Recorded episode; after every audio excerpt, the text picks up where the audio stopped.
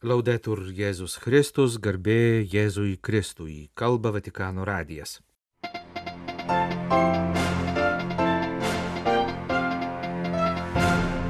Popiežiaus audiencijos Biblijos draugijoms, konferencijos apie bažnyčios Italijoje išlaikymą dalyviams ir naujajam Turkijos ambasadoriui. Vatikane vyksta susitikimas, kuriame kalbama apie pasauliečių vaidmenį bažnyčioje. Italijos jėzuitų žurnalas paskelbė straipsnį apie popiežiaus susitikimus su Kongo Demokratinės Respublikos ir Pietų Sudano jėzuitais, įvykusius vasario pradžioje per apaštališkąją kelionę į tas šalis. Vasario 16 dieną popiežius Pranciškus prieėmė Junktinių Biblijos draugijų tinklo delegaciją vadovaujamą jo generalinio sekretoriaus Dirko Geverso. Apaštalų darbų knygoje pasakojama apie Dievo žodžio sklidimą po Velykų.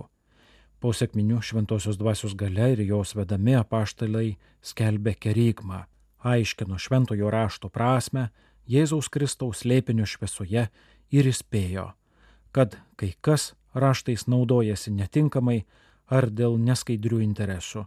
Tuo metu gimusios bažnyčios aplinkybės panašios į mūsų dienų. Dievo žodis skelbiamas, klausomas ir išgyvenamas, palankiomis ir nepalankiomis sąlygomis, įvairiais keliais, skirtingomis formomis, susiduria su dideliais sunkumais ir persiekojimais pasaulyje, kuris dažnai kurčias Dievo balsui kalbėjo popiežius Pranciškus Junktinių Biblijos draugijų tinklo delegacijai. La Chiesa nascente vive dalla parola, la proclama e perseguitata fugge con essa come suo. Gimstanti bažnyčia gyvena Dievo žodžiu, jis kelbė, o persikiojama bėga su juo kaip su vieninteliu savo bagažu.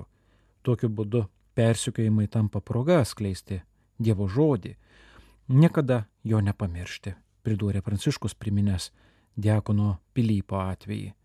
Dėl persekiojimų jis atsidūrė Samarijoje, tačiau atsidūręs ten nekalbėjo apie savo skausmą, bet skelbė Kristų, gydė ligonius, sužadindamas didelį džiaugsmą tarp žmonių. Galvoju apie daugybę krikščionių, kurie mūsų laikais yra priversti bėgti iš savo krašto. Vyrai ir moteris, kurie kaip ir pirmieji tikintieji, bėga pasimdami su savimi gautą žodį.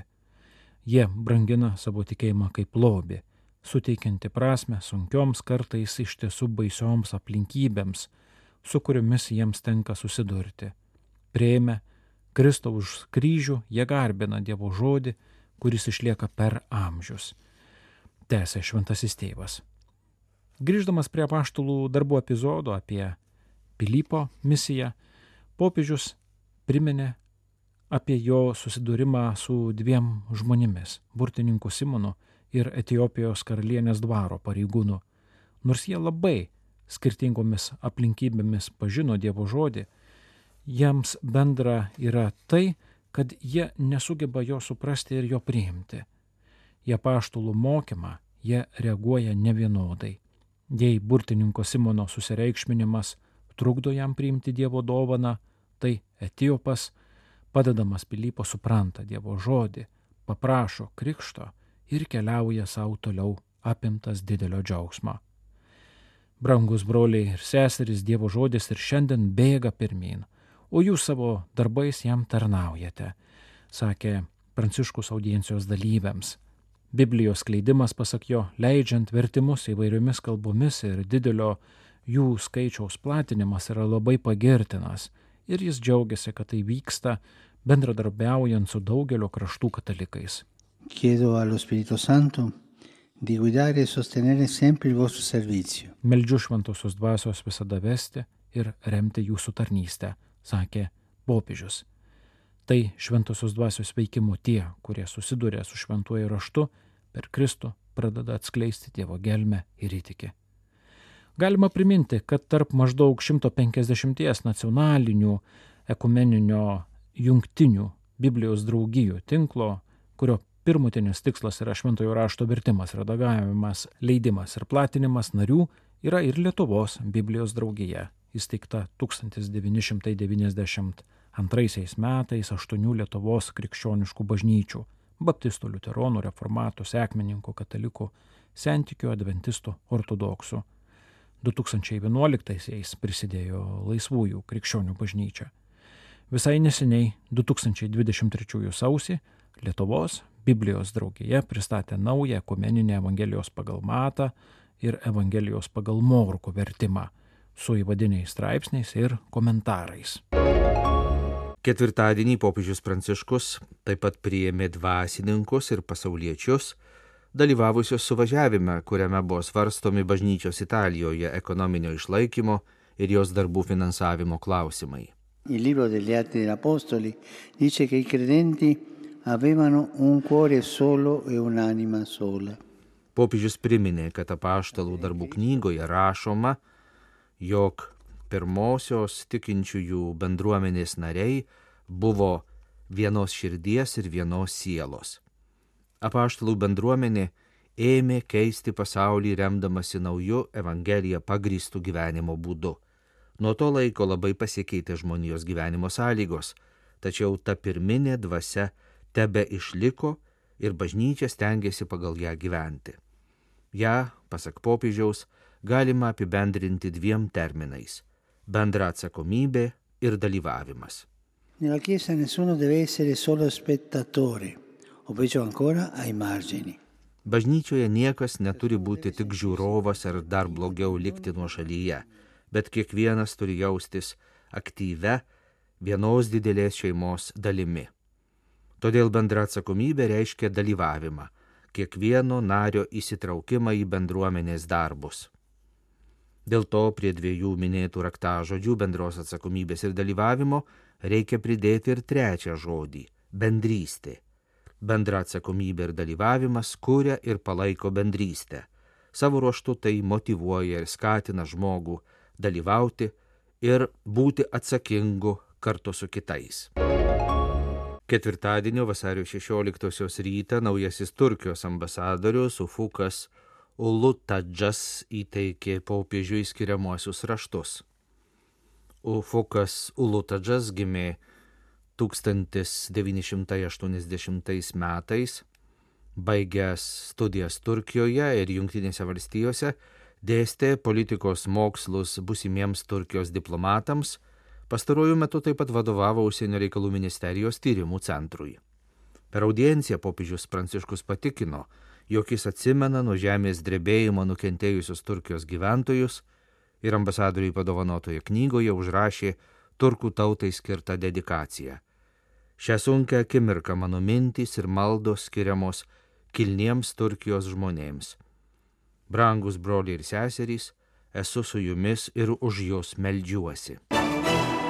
Ketvirtadienio rytą mišiomis aukotomis Šventojo Petro bazilikoje prasidėjo vasario 16-18 dienomis Vatikane vykstantis vyskupų konferencijų referentų pasauliečių reikalams susitikimas ganytojai ir pasauliečiai pašaukti keliauti kartu, kurį surengė Šventojo sosto pasauliečių šeimos ir gyvybės dikasterija. Kaip sakė atidarydamas susitikimą dikasterijos prefektas kardinolas Kevinas Farelas, šis renginys yra 2019 m. lapkričio mėnesį vykusios pasauliečių šeimos ir gyvybės dikasterijos plenarinės asamblėjos rezultatas. Per tomis dienomis vykusius apmąstymus buvo pabrėžtas poreikis pagilinti ir iškelti kiekvieno pakrikštytojo atsakomybę bažnyčioje. Visi Dievo tautos nariai, tiek ganytojai, tiek tikintieji pasauliečiai, dalyjasi visa atsakomybė už šios tautos, kurią subūrė pats Kristus gyvenimą, misiją ir augimą.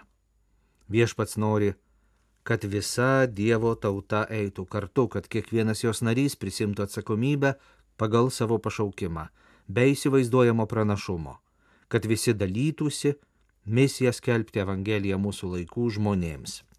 Iš čia, sakė kardinolas, ir renginio pavadinimas - ganytojai ir tikintieji pasauliečiai pašaukti eiti kartu. Susitikime dalyvauja 72 vyskupų konferencijų ir 29 asociacijų ir judėjimų atstovai.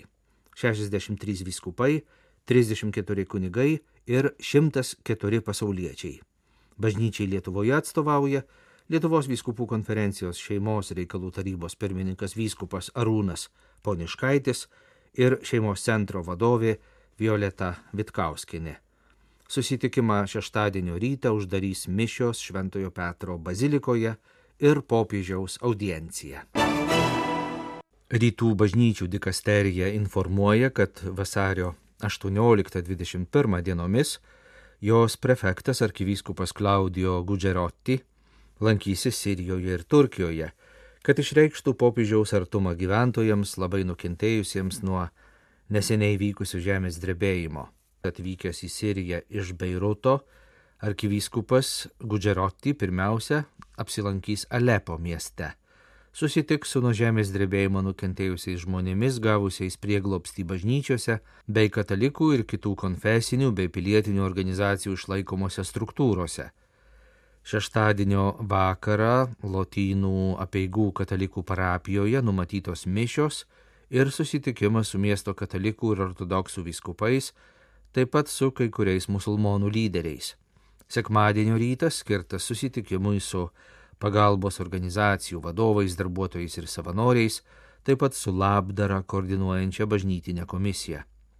Ta pačia diena taip pat numatytas apsilankimas mečetėje kurioje gyvena nuo žemės drebėjimo nukentėję žmonės. Vėliau arkivyskupas dalyvaus dieviškojoje liturgijoje graikų melkitų katedroje. Pirmadienį po apsilankimo pas motinos Teresės seserys delegacija išvyks į Damaską, kur įvyks susitikimas su sostinėje reziduojančiais katalikų ir kitų krikščionių patriarchais ir vyskupais. Pirmadienį po pietų delegacija automobiliu grįš į Beirutą, o iš ten lėktuvu skris į Stambulą kur antradienio vasario 21 rytą įvyks susitikimas su Turkijos vyskupais ir karitas padalinių teikiančių pagalbą žemės drebėjimo aukoms vadovais. Jūs klausotės Vatikano radio tęsinę programą. Vasario penktą dieną popiežius sugrįžo į Romą iš apaštališkosios kelionės, kurios antroji dalis po Kongo Demokratinės Respublikos Pietų Sudanas buvo ekumeninė piligrimystė kartu su anglikonų ir metodistų bažnyčių vadovais. Vienas šios kelionės aspektas - popiežiaus susitikimai su jezuitais, tarnaujančiais dviejose kraštuose. Apie šiuos susitikimus Romoje leidžiamame jezuitų žurnale Čivilta Katolika pasakoja jo redaktorius tėvas Antonijos Padaro, lydėjęs popiežių kelionėje ir dalyvavęs tiek jo susitikime su jėzuitais vasario antrą dieną Kinšasoje, tiek vasario ketvirtą dieną Džuboje. Klausimai, kaip ir popiežiaus atsakymai, buvo spontaniški. Kelios temos kartojosi tiek per vieną, tiek per kitą susitikimą dėl galimo popiežiaus atsistatydinimo ir gamtos ištekliais turtingo tačiau išnaudojamo Kongo baseino regioninio sinodo. Popiežius patikino, kad jam nei kartų netėjo į galvą atsistatydinti ir nemano, kad popiežiaus pasitraukimas iš pareigų turėtų tapti mada. Benediktas išdryso tai padaryti dėl pablogėjusios sveikatos. Bet šiuo metu jo paties planuose to nėra.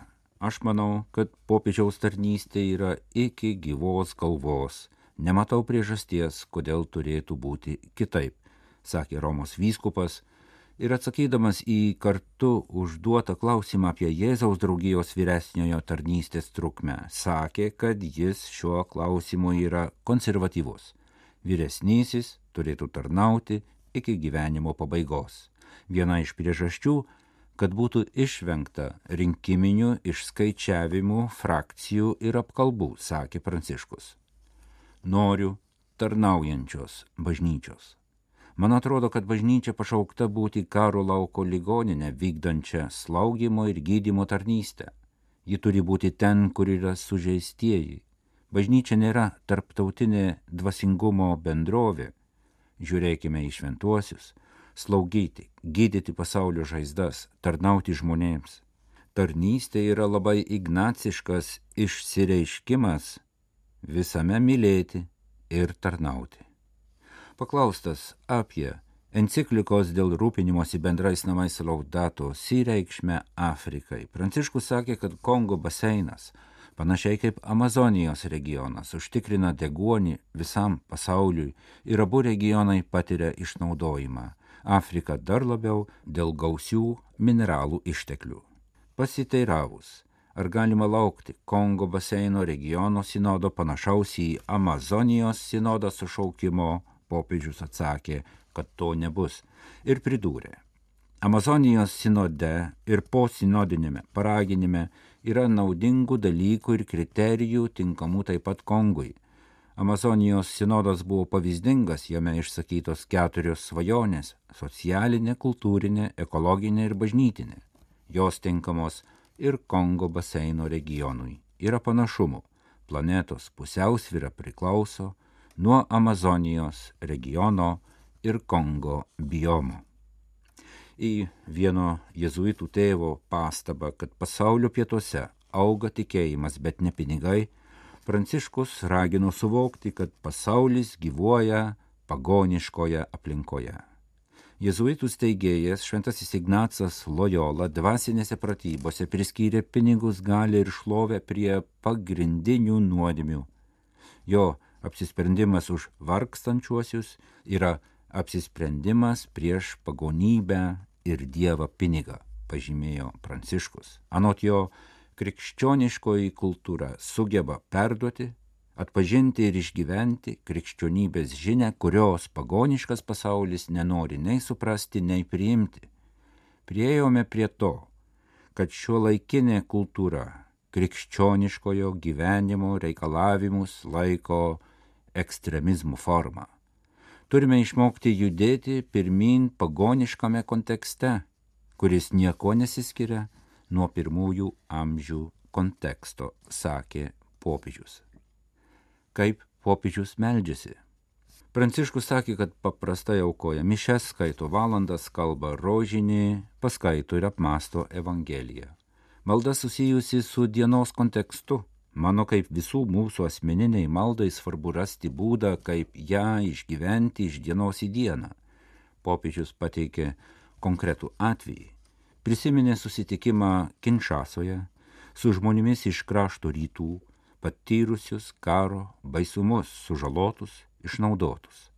Suprantama, kad po to tikrai negalėčiau melstis giesmių giesmės žodžiais. Reikia pasinerti į tikrovę. Bijau maldos mokytojų, kurių malda abstrakti, kurie kalba, kalba, kalba, bet tuščiais žodžiais. Malda visuomet turi būti įkūnyta tikrovėje. Kas labiausiai guodžia popiežių ir kas jį labiausiai nuvilia. Mane guodžia, kai matau paprastus tikinčiuosius, nusidėlius, bet tikinčius.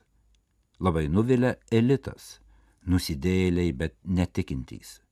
Sakė popiežius ir pridūrė, kunigai te būna žmonių ganytojai, o ne monsignorai abatai, jo labiau ne valstybiniai dvasininkai.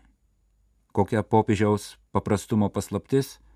Aš paprastas, jaučiuosi pernelyg sudėtingas.